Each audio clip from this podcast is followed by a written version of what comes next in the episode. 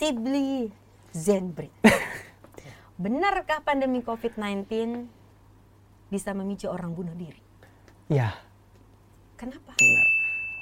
Eh, pandemi COVID-19 itu menjadi jembatan seseorang menjadi sangat stres sehingga pemikiran-pemikiran lain selain bunuh diri juga itu bisa terpicu karena itu sih.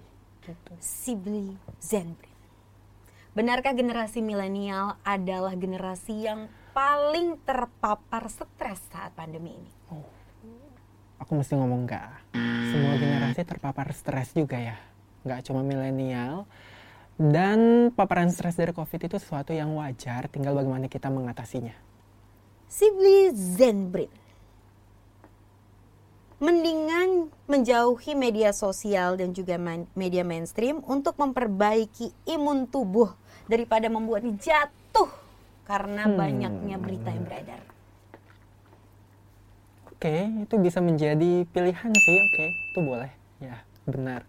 Kita bisa menjauhi media sosial untuk mengurangi stres. Shibli Zenbrit. Kalau ada lingkar terdekat kita yang terpapar, kita harus menghujaninya dengan kata-kata penyemangat. Nah, enggak perlu harus seperti itu, enggak harus ya. Gitu. Cuma dengan kata-kata untuk memahami dan kasih sayang lain itu bisa. Shibli Zenbrit. Benar atau salah? Kalau kita sulit meyakinkan orang tua kita atau orang yang lebih tua di lingkar terdekat kita karena mereka sudah terpapar dengan hoax. Aku mesti bilang benar. Ya. Emang sulit untuk mengubah perspektif dari orang lain termasuk orang tua kita sih. Apalagi udah terpapar lama dengan hoax. Khususnya untuk vaksin, Khususnya untuk vaksin. Shibli Zenbrit. Benar atau salah menurut pandangan kamu, sekarang pemerintah adalah kambing hitam yang paling empuk untuk masalah vaksin. Ya benar kita mengkambing hitamkan pemerintah itu benar ya. Gitu. Tapi apakah beneran kambing hitam atau enggak? Aku nggak beropini apa-apa terkait itu. Shibli. Benar atau salah? Pemerintah harus secara ekstrem memaksa masyarakat untuk vaksin. Aku mesti bilang salah, nggak harus secara ekstrim. Kata harus itu kayaknya sesuatu yang sangat amat memaksa ya sebenarnya. Beberapa poin mesti emang dilakukan regulasi yang lebih ketat, tapi untuk dipaksa sehingga ada hukuman yang enggak gitu kayaknya menyalahi demokrasi, tapi silahkan dipikirkan masing-masing lah. Podchill, podcast sambil ngechill on Intoday Media. People, back with me Angie Ang dalam Pocil, ngepodcast sambil ngecil. Aduh, kali ini kita akan ngobrolin hal yang kayaknya tuh lekat banget sama kita yaitu apa yang kita rasakan, kita alami, kita keluhkan saat pandemi COVID-19 tidak kunjung usai. Anyway, sebelumnya Angie mengucapin dulu terima kasih sekali lagi kepada Spacebar, Spacebar Audio Production yang ada di daerah Jakarta Selatan. Nanti kamu bisa ngeliat. Pokoknya nih kerjaan editornya nih ngasih tulisan di sini Anji mah cuma ngomong doang. Nah di podcast kali ini kita mendatangkan eh, seorang yang memiliki banyak cerita-cerita dari kita bisa bilang pasien karena dia adalah seorang psikolog. Yalah, Shibli, Shibli sudah datang di Spacebar. Halo, halo Shibli. halo semuanya. Thank you for having me. Yes, dan terima kasih juga udah datang di sini. Kita mau ngobrolin soal sebenarnya gimana sih yang kamu rasakan sebagai seorang psikolog dan juga cerita-cerita apa yang banyak kamu dapatkan dari pasien ya. Kita bisa bilang pasien nggak sih kalau Aku ngomongnya psikolog? klien sebenarnya. klien. Ya. Oh, beda ya dengan pasien. Ya, penyebutan aja sih. Penyebutan aja. Oke. Di saat pandemi COVID-19 gitu ya. Kamu di sini eh, berarti udah berapa lama untuk praktek? Aku praktek udah hampir 2 tahun ya sebenarnya. Hampir dua tahun setelah Hampir lulus. dua tahun setelah lulus langsung praktek dan pas tiga bulan praktek offline langsung diterpa pandemi jadi Serius? 80% aku tuh online sebenarnya. Oh, Iya. maksudnya sekarang online itu sekarang semua konsultasinya via, uh, Via Zoom, gitu? Yes. Zoom, Google Meet, via online lah ya, chat, telepon dan lain sebagainya. Kita menggunakan media digital lah untuk konsultasi sekarang banyak kan gitu. Nah, sekarang ini yang tadi aku udah sebutkan bahwa pandemi COVID-19 kan belum selesai-selesai. Ya. Kamu tiga bulan lulus, terus langsung ditempa pandemi. Pasti tidak menyangka sebagai seorang psikolog, apa sih sebenarnya yang kamu pikirkan saat praktek itu yang pertama kali kamu pikirin, gue bakal ngadepin masalah A, B, C, D nih. Awalnya kamu mikir apa sebelum pandemi? Nggak bakal online consultation sama sekali Oke, sebenarnya. Yang pertama gua mikirin- medianya ya. Iya. Mm-mm, terus?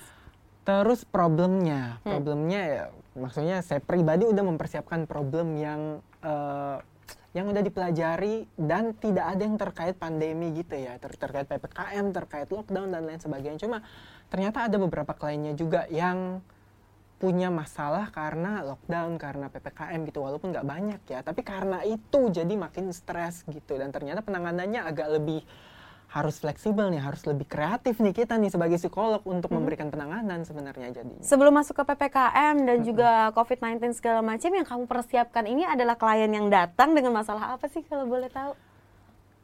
Luas banget ya, since Oke oke oke. Eh, gimana gimana? Kalau gue bilang pasti stres kerjaan itu pasti Uh-uh. ya kan? Ya kan? Itu pasti stres kerjaan. Terus masalah konflik rumah tangga percintaan gitu gitu Iya. ya kan? Iya, banyak iya, banget. Ini muda mudi zaman sekarang gitu berantem sama pacar. Aku mau ke psikolog aja.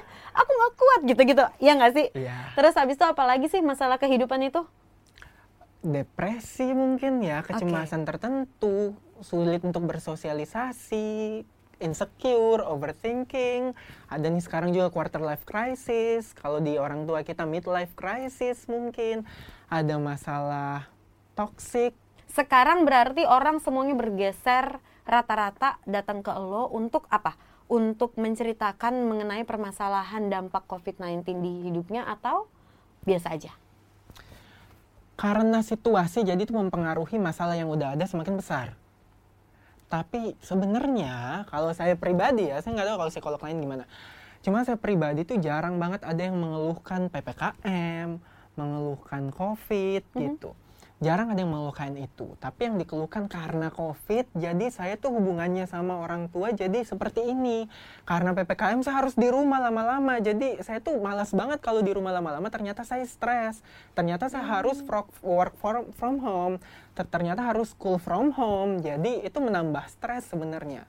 Jadi karena PPKM dan COVID dan situasi kita itu menjadi mediator atau jembatan sehingga stresnya itu semakin berkembang.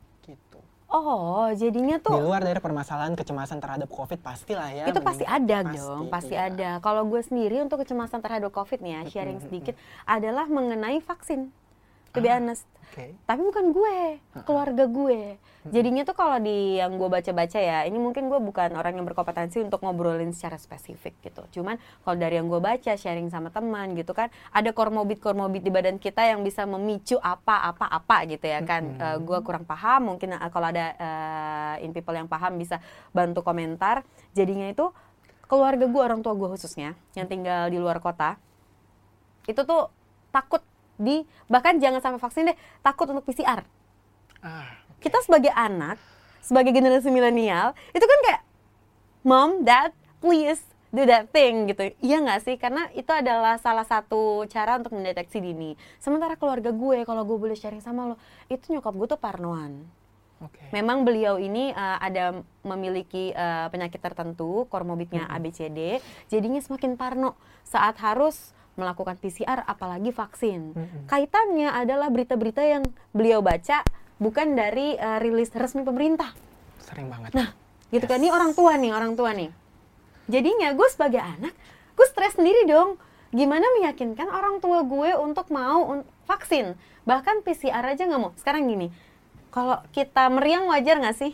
Nggak selalu meriang itu adalah COVID ya nggak? ya, ya kan ya kan cuman dengan keparnoan orang tua gue beliau merasa kayak kalau meriang dikit aduh jangan-jangan ini corona. Kita juga jadi takut kan? Ayo PCR nggak mau. Kayak gitu. Tapi mau vaksin cuman kan di tempat gue belum dapet tuh eh, karena beberapa hal jadinya belum dapat giliran vaksin kalau orang tua gue. Nah menurut lo gue sebagai anak harus ngapain untuk meyakinkan orang tua gue? Sulit banget gue. Pak, keparnoan orang tua yang nggak bisa kita hindari gitu. Menurut lo gimana? Jangan kamu ya, aku sebagai psikolog orang tua aku juga kurang lebih sama nih Serius? kayaknya tipenya iya.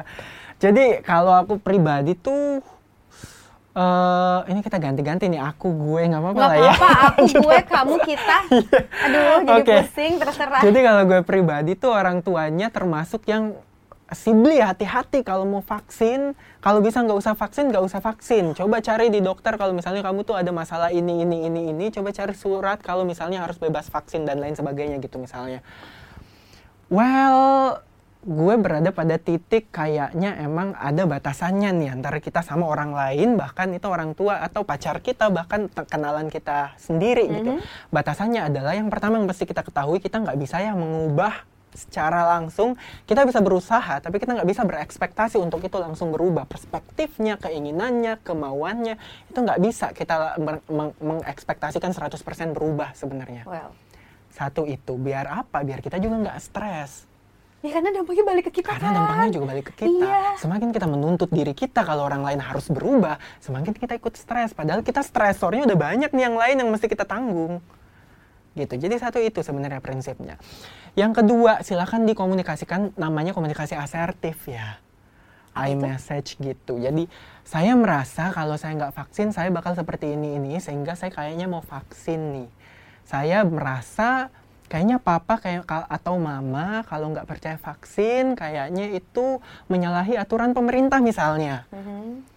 atau itu nggak sesuai saya merasa itu nggak sesuai. Tapi bukan kita nggak ngomong kayak papa mama salah nih Hmm. itu menyerang ya jadinya tuh perdebatan dan perdebatan hasilnya bukan kesimpulan Mhm.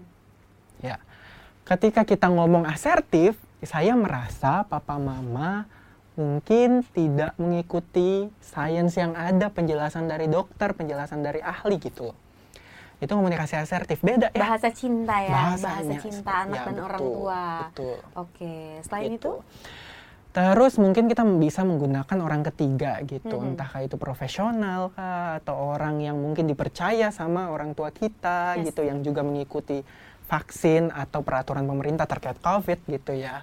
Kita bisa menggunakan orang ketiga juga sebenarnya. Anyway, ini bukan hanya vaksin doang, tapi apa pun yang sekarang Apa pun. lagi kita lakukan gitu ya. PCR kayak Apa pun. tadi orang tua gue misalnya dan Iya. lain-lain. Nah, tapi ternyata orang tua gue tidak sendirian. Banyak orang tua orang tua di luar sana dari kita, kita bisa bilang kita sebaya dong semuanya di sini generasi milenial ini karena kita adalah anak dari setiap orang tua gitu ya kan. Betul. Di Tapi berapapun usianya. semua orang tua juga ya, Ya. maksudnya. Dan banyak juga milenial dan teman-teman seangkatan kita nih yang juga sebenarnya agak tidak Sulit. mempercayai, ya, agak sulit, tidak mempercayai juga. Well, aku menghargai ya keputusan setiap orang Hmm. gitu. Tapi yang aku nggak hargai adalah ketika kepercayaan kita itu membuat orang lain kena dampak merugikannya gitu sebenarnya. Hmm, oke, setuju banget sama lo. Sekarang kita cheers. Cheers. Dan sekarang ini uh, generasi milenial kita tuh nggak bisa ya kali ya. Nggak tahu menurut lo gimana sih generasi milenial ini kan bukan kalau menurut gue tidak terpaku sama umur, tapi sama jiwa sama pergaulan sosialisasi. Bener nggak sih? Good, ya. Ya, ya nggak sih? ya. Bukan umur, jadi bukan yang lahir tahun segini segini, bukan, bukan itu. Ya, betul. Nah, sekarang untuk generasi milenial di mata gue, ini nih kayak mereka adalah generasi yang paling uh, bisa untuk membuat perubahan untuk masa sekarang. Mm-mm. Kalau sekarang, termasuk dengan cara merubah pola pikir dengan cara-cara tertentu yang seperti yang lo bilang tadi, dari pandangan psikologi berarti ya. Nah, lalu apa yang harus kita lakukan nih? Ring satu kita pasti keluarga, Oke. ya kan? Apa yang harus kita lakukan untuk memberikan bahasa-bahasa cinta ini dan apa yang tidak boleh kita lakukan? Tadi udah lo sebut bahwa yang tidak boleh dilakukan adalah memaksa. Lalu habis itu menggunakan bahasa cinta. Apakah hanya dua ini atau mungkin ada banyak lagi cara lainnya? prinsipnya sih ya sebenarnya. Cuma aku mesti ng- ngomongin juga kalau misalnya eh, selain generasi milenial, betul beberapa teori sebenarnya mengatakan kalau itu dibedakan berdasarkan usia. Cuma ternyata pas kita lihat berbagai teori itu usianya bisa beda-beda gitu sebenarnya ya. Dan- Tergantung jurnal mana yang lo baca Betul, gitu ya kan? tergantung jurnal mana dan teori dari mana gitu sebenarnya. Dan eh, tidak cuma gen- generasi milenial ya, cuma Gen Z juga atau generasi eh, boomer juga dan siapa pun yang menonton ini kita semua pemegang tonggak gitu ya sebenarnya. Cuma mungkin sekarang yang sangat lebih aktif mungkin milenial nih gitu. Atau orang yang berada di rentang antara usia 20 sampai 35 gitu Hmm, kan oke. kita bisa bisa bisa mengatakan seperti itu apa yang mesti dilakukan untuk ring satu kita lebih baik prinsipnya emang seperti itu ya prinsipnya adalah coba untuk evaluasi prinsip lainnya maaf maaf usah Prinsip marah-marah lainnya, dong. oke. Santai dong. Prinsip Kenapa lainnya. nanya prinsip marah-marah? Oh iya, Nggak, nggak, selalu nggak, gitu ya. Ini nggak ngegas, Oke. tenang, tenang, tenang. Terus gimana gimana gimana? Prinsip lainnya adalah coba untuk evaluasi niat kita, jangan sampai diselubungi sama ketakutan. Maksudnya gimana? Gitu, jangan sampai kita melakukan sesuatu itu dasarnya karena kita takut, karena beda tuh jadinya. Contohnya saya pengen ngomong karena saya pengen ngomong ke orang tua ya karena saya takut orang tua saya kena Covid. Normal. Ya, Mm-mm. tapi ketika ketakutan itu menyelubungi kita, emang kita melakukan sesuatu karena takut, takut, takut, takut terus, itu menjadi masalah juga buat kita gitu sebenarnya. Tapi coba diubah aja gitu loh mindsetnya. Kalau oke, saya melakukan sesuatu mungkin ya karena saya takut orang tua saya kena COVID. Kenapa sih kita takut? Karena saya sebenarnya sayang sama orang tua saya. Karena saya pengen orang tua saya sehat. Hmm. Bisa diubah ya kalimatnya ya. Kalimatnya Kenapa itu aman. penting? Hmm. Ya, kenapa itu penting? Karena itu contradicting our belief gitu. Itu mengkontradiksi eh, kontradiksi gimana ya? Ya, itu Ya, melawan, iya, melawan. kepercayaan Betul. buruk kita dengan sesuatu yang lebih positif gitu. Sehingga kita pun lebih bisa beradaptasi dengan lebih baik nih. Walaupun nggak selamanya cemas itu sesuatu yang wajar ya sebenarnya. Prinsipnya itu. Komunikasi komunikasi asertif prinsipnya itu juga. Mm. Kemudian eh iya jangan sampai ujungnya itu adalah perdebatan, jangan sampai ujungnya itu adalah Ya, ya nggak sampai titik gitu ya, sampai koma aja dia. Jadinya berlanjut, berlanjut, semakin orang tua nggak percaya ya nggak sih kalau Ya. kita ngomongin anak dan orang tua di Ya. keluarga? yes. Jadi ujungnya itu kalau bisa nyampailah kepada sebuah pemahaman kalau oh saya bisa paham orang tua saya berpikir seperti ini, saya bisa paham pasangan saya berpikir seperti ini, saya bisa paham adik saya, kakak saya, lingkungan saya berpikir seperti ini sehingga dari pikiran mereka yang saya pahami mereka me- melakukan perilaku tertentu. Oke. gitu.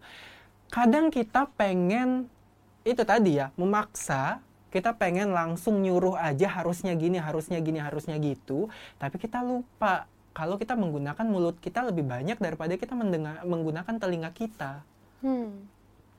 Kita kadang lupa cari tahu kenapa sih perilakunya bisa ngelawan COVID banget, bukan ngelawan COVID. Sebabnya apa Sebabnya gitu? apa ya? Akarnya dari Kok- mana yes. gitu ya? Waktu itu juga ada main Twitter nggak? Main. main Twitter waktu itu ada thread juga tuh yang rame Oke. banget. Eh, lupa deh nama akunnya siapa. In people kalau tahu tentang thread ini boleh tolong komen-komen juga di sini. Jadinya tuh dia ini memberikan capturean di grup keluarga gitu.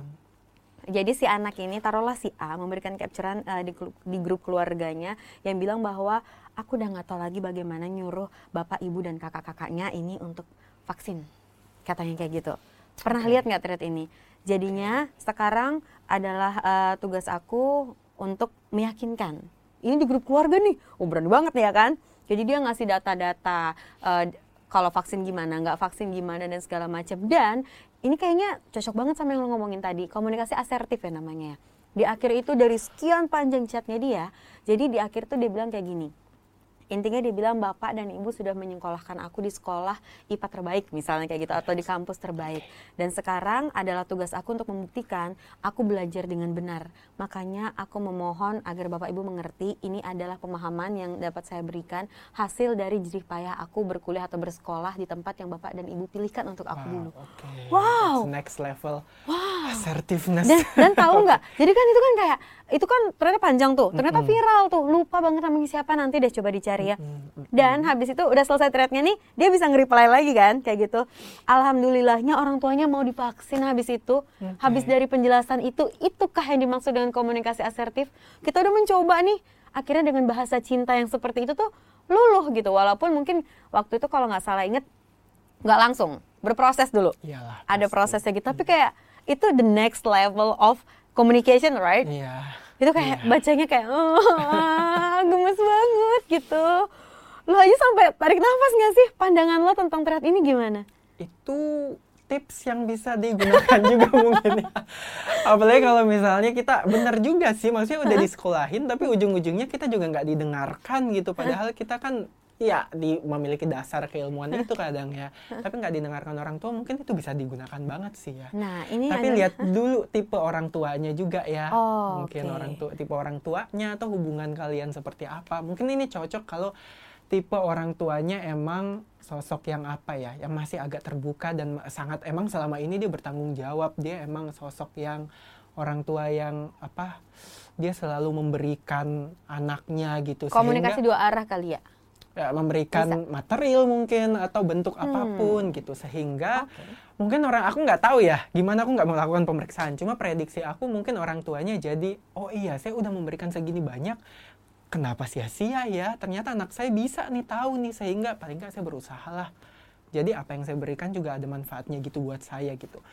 Harusnya sih seperti itu. Mungkin ya saya Harusnya. nggak tahu saya nggak memeriksa orang tuanya. Tapi ya masih dilihat juga karena ada satu kasus orang tuanya itu jadi ini klien saya pribadi orang dia menuliskan kalau iya saya udah kerja keras seperti ini saya udah berterima kasih berterima kasih kepada papa mama bla bla bla malah orang tuanya ngomong oh udah berani kamu ya kurang ajar sama mama papa ngomong panjang-panjang kayak gitu Serius. sih jadi mesti hati-hati juga ya maksudnya ini Waduh.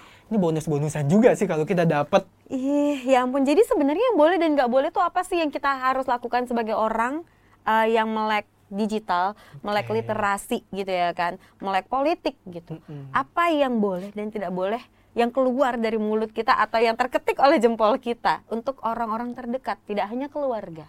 Apa Oke. aja?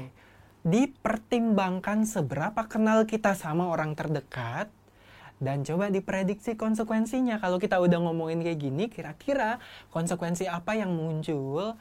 Bu, ini bukan masalah boleh atau nggak boleh ya, tapi berani atau enggaknya kita menerima konsekuensi sebenarnya. Oh, Kalau misalnya oke. kita udah ngomongin kayak gini, oke saya berani. Konsekuensinya apa sih? Mungkin saya bakal dikata-katain kali sama pasangan sama saya, sama orang tua saya. Hmm. Tapi saya udah siap lah kalau dikatain. Yang penting saya udah melakukan yang benar. Paling nggak menurut saya dan menurut orang-orang yang ahli gitu misalnya. Saya udah melakukan itu ya udah. I get it. Jadi sebenarnya yang pertama kali harus dilakukan adalah mempersiapkan diri ini dulu. Ya nggak sih? Exactly. Baru habis itu kita membaca orang lain kalau gue boleh menyimpulkan ya.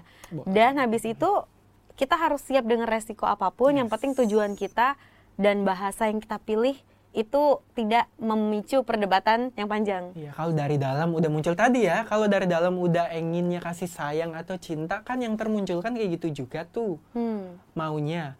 Ya. Inginnya. inginnya kayak gitu orang nggak mungkin nggak nggak selamanya menangkap itu cuma paling nggak kita udah tahu niat kita dan dari awal saya udah mengkonstruk kata-kata ini dengan cara yang terbaik ya saya bakal secara asertif mengemukakan dampak dari orang lain respon dari orang lain itu saya bisa tangani dan itu tanggung jawab mereka juga merespon seperti itu ya kebaca lah. oke kalau responnya seperti itu ya cukup tahulah berarti nggak bisa nih pakai cara itu Iya, Berarti saya oke. mungkin bisa lebih sedikit melepas tuntutan saya untuk orang lain tuh harus vaksin. Harus vaksin. Yang penting kamunya tenangin dulu ya, jangan kayak fokus ke orang lain terus sampai kita stres banget. Ya, Kita sendiri kita yang ikut, ngedrop. iya, Iya kita kan? sendiri yang ikut drop. Kata-kata kamu tadi yang barusan eh, harus vaksin itu itu sempat ada tuh berseliweran di media sosial itu seperti ini beberapa segelintir orang itu menyebut bahwa pemerintah ini seperti mengindikasikan bahwa vaksin ini adalah pemaksaan. Hmm, Oke. Oke, ini adalah perspektif lain, di mana perspektif lainnya mengatakan bahwa vaksin ini menyelamatkan kita, seperti dari kecil kita imunisasi dan lain dan lain dan lain. Hanya sekarang masalahnya lagi pandemi, berarti vaksinnya larinya ke sini gitu. Lo setuju nggak dengan ucapan itu? Vaksin ini adalah paksaan dari pemerintah, bener-bener tanda kutip paksaan. Gue juga dipaksa nih ngomongin pemerintah ya di sini ya. Gue cuma nanya aja. Namanya juga pocil. Oke, Sambil oke. chill. Kalau lo pengen relax lagi kita cheers dulu aja, boleh. boleh. Jadi ketika ngomongin ini harus diwajibkan, gue nggak tahu ya untuk negara demokrasi apakah emang harus di force. Since kita negara demokrasi itu dulu, gue berangkat dari situ nih, ya. Tapi ini opini pribadi gue loh ya. Apakah mesti di force kalau iya mesti vaksin? Kalau misalnya kita mewajibkan vaksin, berarti yang nggak vaksin kan ada hukumannya ya? Mhm. Gitu nggak sih negara harusnya Iya, gitu. Sehingga gue nggak tahu. Yang mesti dilakukan adalah emang pemerintah juga pemerintah dan siapa pun yang memiliki tanggung jawab emang psikoedukasi atau bukan cuma psikoedukasi cuma gembor-gemboran untuk mengedukasi atau ngasih tahu terus menerus maksudnya mengeluarkan biaya untuk mempaparkan kita kalau COVID, kalau COVID-19 itu ada dan kita butuh vaksin itu kayaknya mesti di nomor satu nomor dua kan nih sebenarnya Oke. nih sekarang karena Baiklah. kalau kita paksakan nih aku nggak mau vaksin misalnya tapi dipaksa untuk vaksin oke lah saya vaksin tapi perspektif saya berubah nggak ke depannya saya masih melawan pemerintah, ke depannya saya masih nggak suka sama kebijakan pemerintah. Hmm. Tapi ketika emang perspektif saya diubah dengan cara pemerintah membuat sesuatu, kita bersama-sama membuat acara untuk vaksinasi itu seperti apa, vaksinasi baik, iklan, menggunakan influencer, menggunakan banyak eh, apa, banyak ahli mungkin Yes. kan itu bisa mengubah perspektif saya. Jadi saya mau nggak mau dipaksa juga, nggak dipaksa pun saya bakal datang dengan sendirinya saya mau vaksin untuk Oke. sehat. Kan Berarti itu lebih baik ya buat masyarakat kita untuk perspektifnya diubah daripada untuk didorong aja harus vaksin gitu. tanpa diberikan pemahaman sebenarnya apa Tanpa diberikan eh, pemahaman. apa pe- keuntungan dari vaksin ini. Iya. Tapi kalau gue lihat-lihat misalnya, ini eh, misalkan dari Kemenkes ini kayaknya udah mengikuti, bukan mengikuti ya, udah melakukan apa yang barusan lo bilang gitu. Mm-mm. Jadinya misalkan di media sosial gitu ya kan, dari Kemenkes sendiri itu kan sekarang anak-anak juga divaksin ya dari umur 12 tahun gitu itu. Eh, terus habis itu lansia mana yang bisa divaksin mana yang enggak karena katanya awal-awal tuh dulu sempat ada heboh tuh kalau lansia nanti malah amit-amit gitu ya kan malah makin parah gitu kan dan komorbid ABCD gitu. Tapi mereka udah mulai buat postingan seperti ikut eh, apa memberikan pemahaman kayak gini nih. Oma dan Opa kalau masih bisa naik 10 anak tangga berarti bisa divaksin kayak gitu-gitu. Diberikan Oke. pemahaman pelan-pelan gitu. Terus habis itu buat oma dan opa yang masih kuat dan sehat vaksinasi ini cocok banget untuk meningkatkan imunitas. Nah gitu-gitu. Jadinya ini kan bukan kayak lo harus lo harus tapi ada nih tujuannya gitu ya kan terus habis itu syarat-syaratnya dibuat lebih light. Bukan bukan yang kayak lo harus harus harus kayak gitu. Tapi kayak nih kalau kayak gini akan begini loh. Akan lebih enak terdengar nggak Iya, sih? benar. karena yang dari tadi lo sampaikan adalah eh, dari sisi psikologi. Kita nggak mungkin menyeleweng jauh lo sebagai pemerhati pemerintah gitu atau pengkritik pemerintah. Jauh banget kita larinya nih ya kan pak? Hanya dari sisi psikologinya aja. Dan apakah dengan gebrakan bukan gebrakan sih sebenarnya dengan tingkah dari salah satu contoh postingan dari eh, akun Kemenkes ini udah oke? Udah oke, pertanyaannya adalah udah terpapar belum nih orang tua kita dengan postingan ini? Kan gitu ya. Oh, Oke, tugas kita dong untuk tugas menyampaikan. kita emang iya. Iya kan? jadi eh, pemerintah bisa aja bikin siapa pun bisa aja bikin di Instagramnya Hmm. di website dan lain sebagainya. Kan pertanyaannya yang buka website sama Instagram emang orang tua. Emang kakek nenek kita membuka itu kan enggak ya? Harus ada orang yang ngebawa ke orang tua Hmm. kita nih orang nenek, kakek kita kalau kita ngomongin nenek kakek ya. Gitu. Oke. jadi pertanyaan kan itu Di- disampaikan nggak? Ada yang menyampaikan nggak? Untuk lo sendiri sebagai seorang psikolog yang sekarang online enak gak? awalnya enggak ya nih, nih kita ngomong nih, kita lagi lihat-lihatan. Kalau gue sendiri misalnya nih, gue lagi terapi, gue lagi psikoterapi. Mungkin gue akan kayak mainin kuku atau apa, cemas gue lagi kumat. Saat gue misalkan konsul sama lo, bisa aja lo nggak lihat nih, bisa banget ya kan? Gue cuma iya. segini, se, se uh, medium, medium close up segini. Lo sebagai seorang psikolog mengalami kendala nggak sih untuk melihat uh, symptoms apa dari klien lo? Iya, sebenarnya iya sangat mengalami kendala karena gue dalam melakukan diagnosis aja itu butuh, kalaupun ketemu aja gue butuh waktu satu dua tiga pertemuan untuk diagnosis. Oh, nih orang mungkin mengalami depresi. Yes. Oh, ini orang mengalami gangguan cemas gitu, yang udah gangguan klinis ya gitu untuk diagnosis. Tapi kalau online kan gue nggak ada data observasi kadang ya. Maksudnya Datanya semuanya- itu uh, maksudnya yang terlihat benar-benar Iya, maksudnya ketika gitu ya? ketika misalnya lo ngomong, gue kan ya ngomongannya sedih, tapi gue nggak bisa ngelihat ekspresinya beneran sedih atau enggak atau Gesture. seperti apa kan gesturnya seperti apa gitu kan itu data juga buat gue untuk Oh. bisa meyakinkan gue menyimpulkan kepribadian atau diagnosis itu gue pakai itu juga jadi agak terhambat cuma itu tadi gue bilang karena gue cuma tiga bulan nih offline Jadi lo terbiasa ya? ya jadi udah terbiasa. Sebenarnya sekarang tuh ya udahlah ada kekurangan it's okay. Yang penting Oke. gue tetap melakukan treatment dan melakukan terapi kalau butuh dan melakukan penanganan gitu. Sesuai dengan batasan-batasan online itu it's okay. Sekarang udah ya udahlah enak juga ya bangun tidur. Cuma siap-siap 15 menit langsung kan. Yang mana yang lebih lo sukai? Karena seperti lo dilahirkan untuk psikolog eh, untuk menghadapi permasalahan saat corona gitu tiga bulan doang kayak magang kayak anak gua tuh magang itu aja nggak sampai tiga bulan dia aduh, aduh. lo gimana gue awalnya ngerasa emang sangat Berbeda. struggle online ya. Cuma balik lagi, ya namanya manusia kan beradaptasi ya semuanya ya. Kita beradaptasi sehingga gue udah nyaman nih sekarang. Dan gue itu adalah tipe orang yang percaya bahwa stres itu dialami oleh semua lapisan masyarakat. Semua umur, semua profesi. Semua ya orang kan? lah Semua ya, orang. Ya pasti udah, ya. sebagai manusia stres itu adalah hal yang wajar ya nggak sih? Yes. Tapi kalau yang gue waktu itu pernah baca nih, jadinya tuh katanya ada stres dulu, terus frustrasi, baru habis depresi. Bener nggak sih? Iya, stres menjadi basic dari semua masalah kita emang ya. Ketika nggak ditangani. ketika tidak ditangani lalu menanganinya untuk kita berarti itu kan yang level dasar nih basic banget ya udah cara basicnya bagaimana Oke, jadi eh, yang perlu diketahui gini ya, untuk saya memberikan tips biar lebih pas, bisa untuk langsung mengkonsultasikan aja gitu sebenarnya ke profesional gitu ya. Iya, itu yang pertama. Yang kedua, penanganan stres itu sangat amat banyak banget. Ada dibagi dua nih secara umum penanganannya secara problem based sama emotional based nih. Kalau emotional based itu bagaimana caranya? Yang penting kita melakukan sesuatu untuk bikin diri kita tenang dulu gitu. Karena kan salah satunya atau Namaste. relaksasi misalnya ya, atau mindfulness atau mendengarkan musik gitu. Oh mendengarkan musik? Men- melakukan melakukan hobi itu jangan kita harus selalu aware kita tuh selalu punya hobi. Ketika hobi tersebut kayaknya kita lupa untuk lakukan itu kita mesti sadari tuh kayaknya kita mesti melakukan itu lagi. Dan dipaksa gitu sebenarnya ya untuk melakukan itu. Bersosialisasi sama orang. Keep in touch with other people gitu. Keep in touch gitu. Ini nggak termasuk oh saya kan introvert berarti nggak juga. No. Manusia butuh sosial. Introvert bukan berarti nggak butuh sosial. Pasti butuh. Keep in touch. Selalu ada orang yang diajak ngobrol dan tempat kita untuk menyalurkan emosi. Kadang tuh kalau emang mau ngomong kotor ngomong kotor lah sama orang tersebut ya yang emang diinginkan karena itu ditahan ya. Gitu iya karena itu merilis emosi gitu. Kalau ada orang yang bisa menerima itu dengan baik gitu Amit-amit kalau sebenarnya. misalnya waktu itu ada orang ada sempat ada beberapa berita gitu karena saking stresnya mengenai eh, dia tidak bisa menghadapi situasi ini sampai bunuh diri gitu.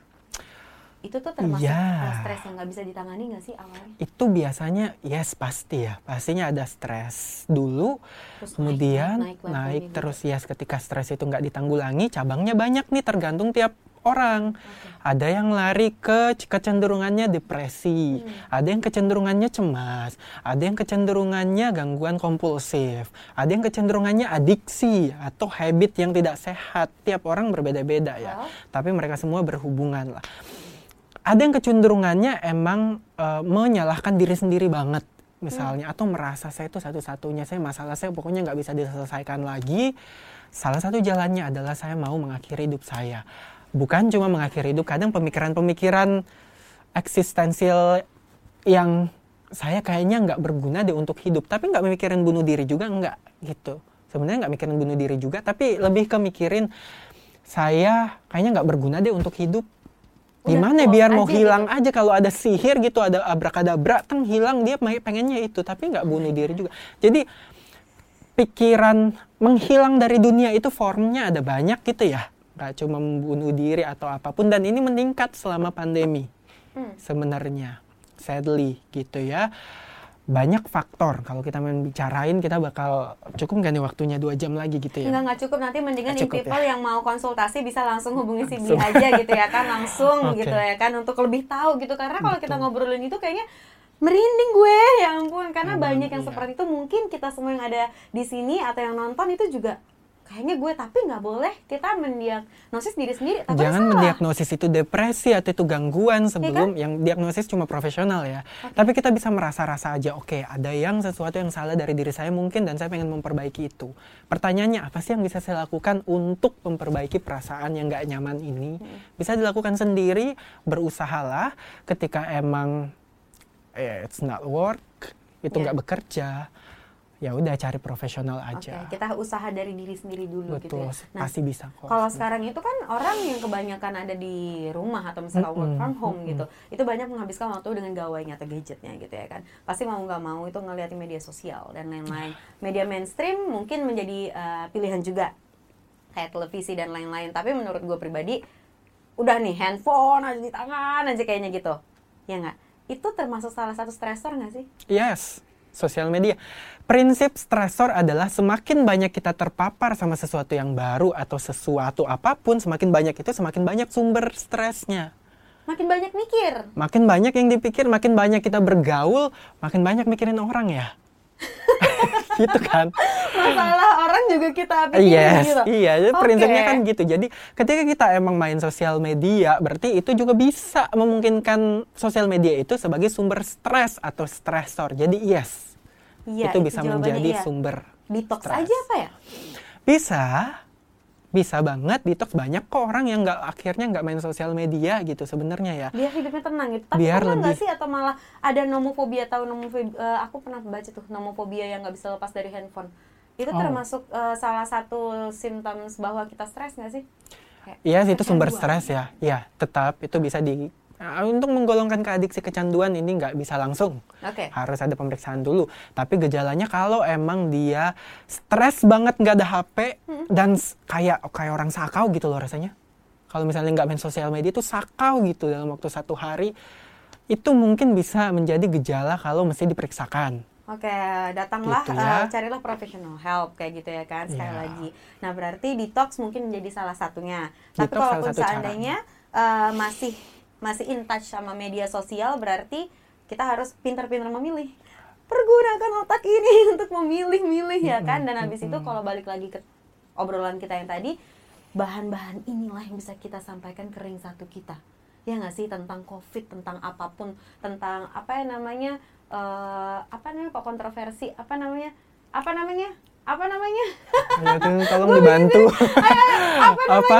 Saya Eh, nggak bisa itu bantu loh ayo bantu bantu gue bukan konspirasi. ya Konspirasi. Allah gue mau nyebut konspirasi aja di otak gue nggak jalan ini kayaknya gue gue butuh detox nih gue butuh detox konspirasi kan banyak banget ini kan nah berarti kita harus pintar-pintar juga ya harus jalan terus nih otak kita Iya, iya sih. Kalau mau ngomongin konspirasi ini adalah kan berita hoax gitu ya.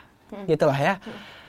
Jangan langsung termakan atau jangan langsung menyebarkan langsung lah. Gitu ini jempol nih sebenarnya. bahaya nih Si Iya. jempol iya kan berarti kita harus stay away from hoax Aku sih nggak pernah sebenarnya untuk share. ya. Sering nggak sih ke forward forward kalau di Oh, WA enggak, kan enggak, gitu? enggak. Kan Enggak sekarang uh, WhatsApp juga kalau udah banyak gitu kelihatan banyak banget di forward ya. Iya kan gitu. udah ketahuan gitu. Ya kan. di grup keluarga kalau ada yang kayak gitu aku left dari grup keluarga. Untungnya grup keluargaku aman. Oke. grup keluargamu gimana? Aku live dari dua-duanya keluarga ayah dan ibu. Ayo uh, Umi ayah kita buat grup keluarga sendiri kita jauh yang gitu-gitu. Udah nggak penting nggak penting. Yang penting sekarang adalah bagaimana kita untuk bisa menyampaikan itu dengan baik ya. Intinya Yes. seperti itu. Iya. dan buat in people yang ingin mengetahui apakah ada yang salah dengan dirinya kalau tadi udah sempat disinggung sedikit kayaknya ada yang salah sama diri gue mendingan langsung aja kontak ke mana nih prakteknya? Oh boleh nih ya. boleh aja. Apa-apa Oke. prakteknya ke mana? Eh, mungkin kalau misalnya ini saya nggak hafal ya sebenarnya nomor admin saya seperti apa cuma mungkin nama Instagram lo aja Oke, nama Instagram saya bisa langsung nanya-nanya kalau misalnya ada yang mau nanya-nanya terkait obrolan saya sama Angie ini bisa di @shiblizenbrin double B gitu ya teman-teman bisa di langsung dimasukin Bisa, sini di bisa, sini ntar ya, ditambahin. diedit gitu ntar ditambahin.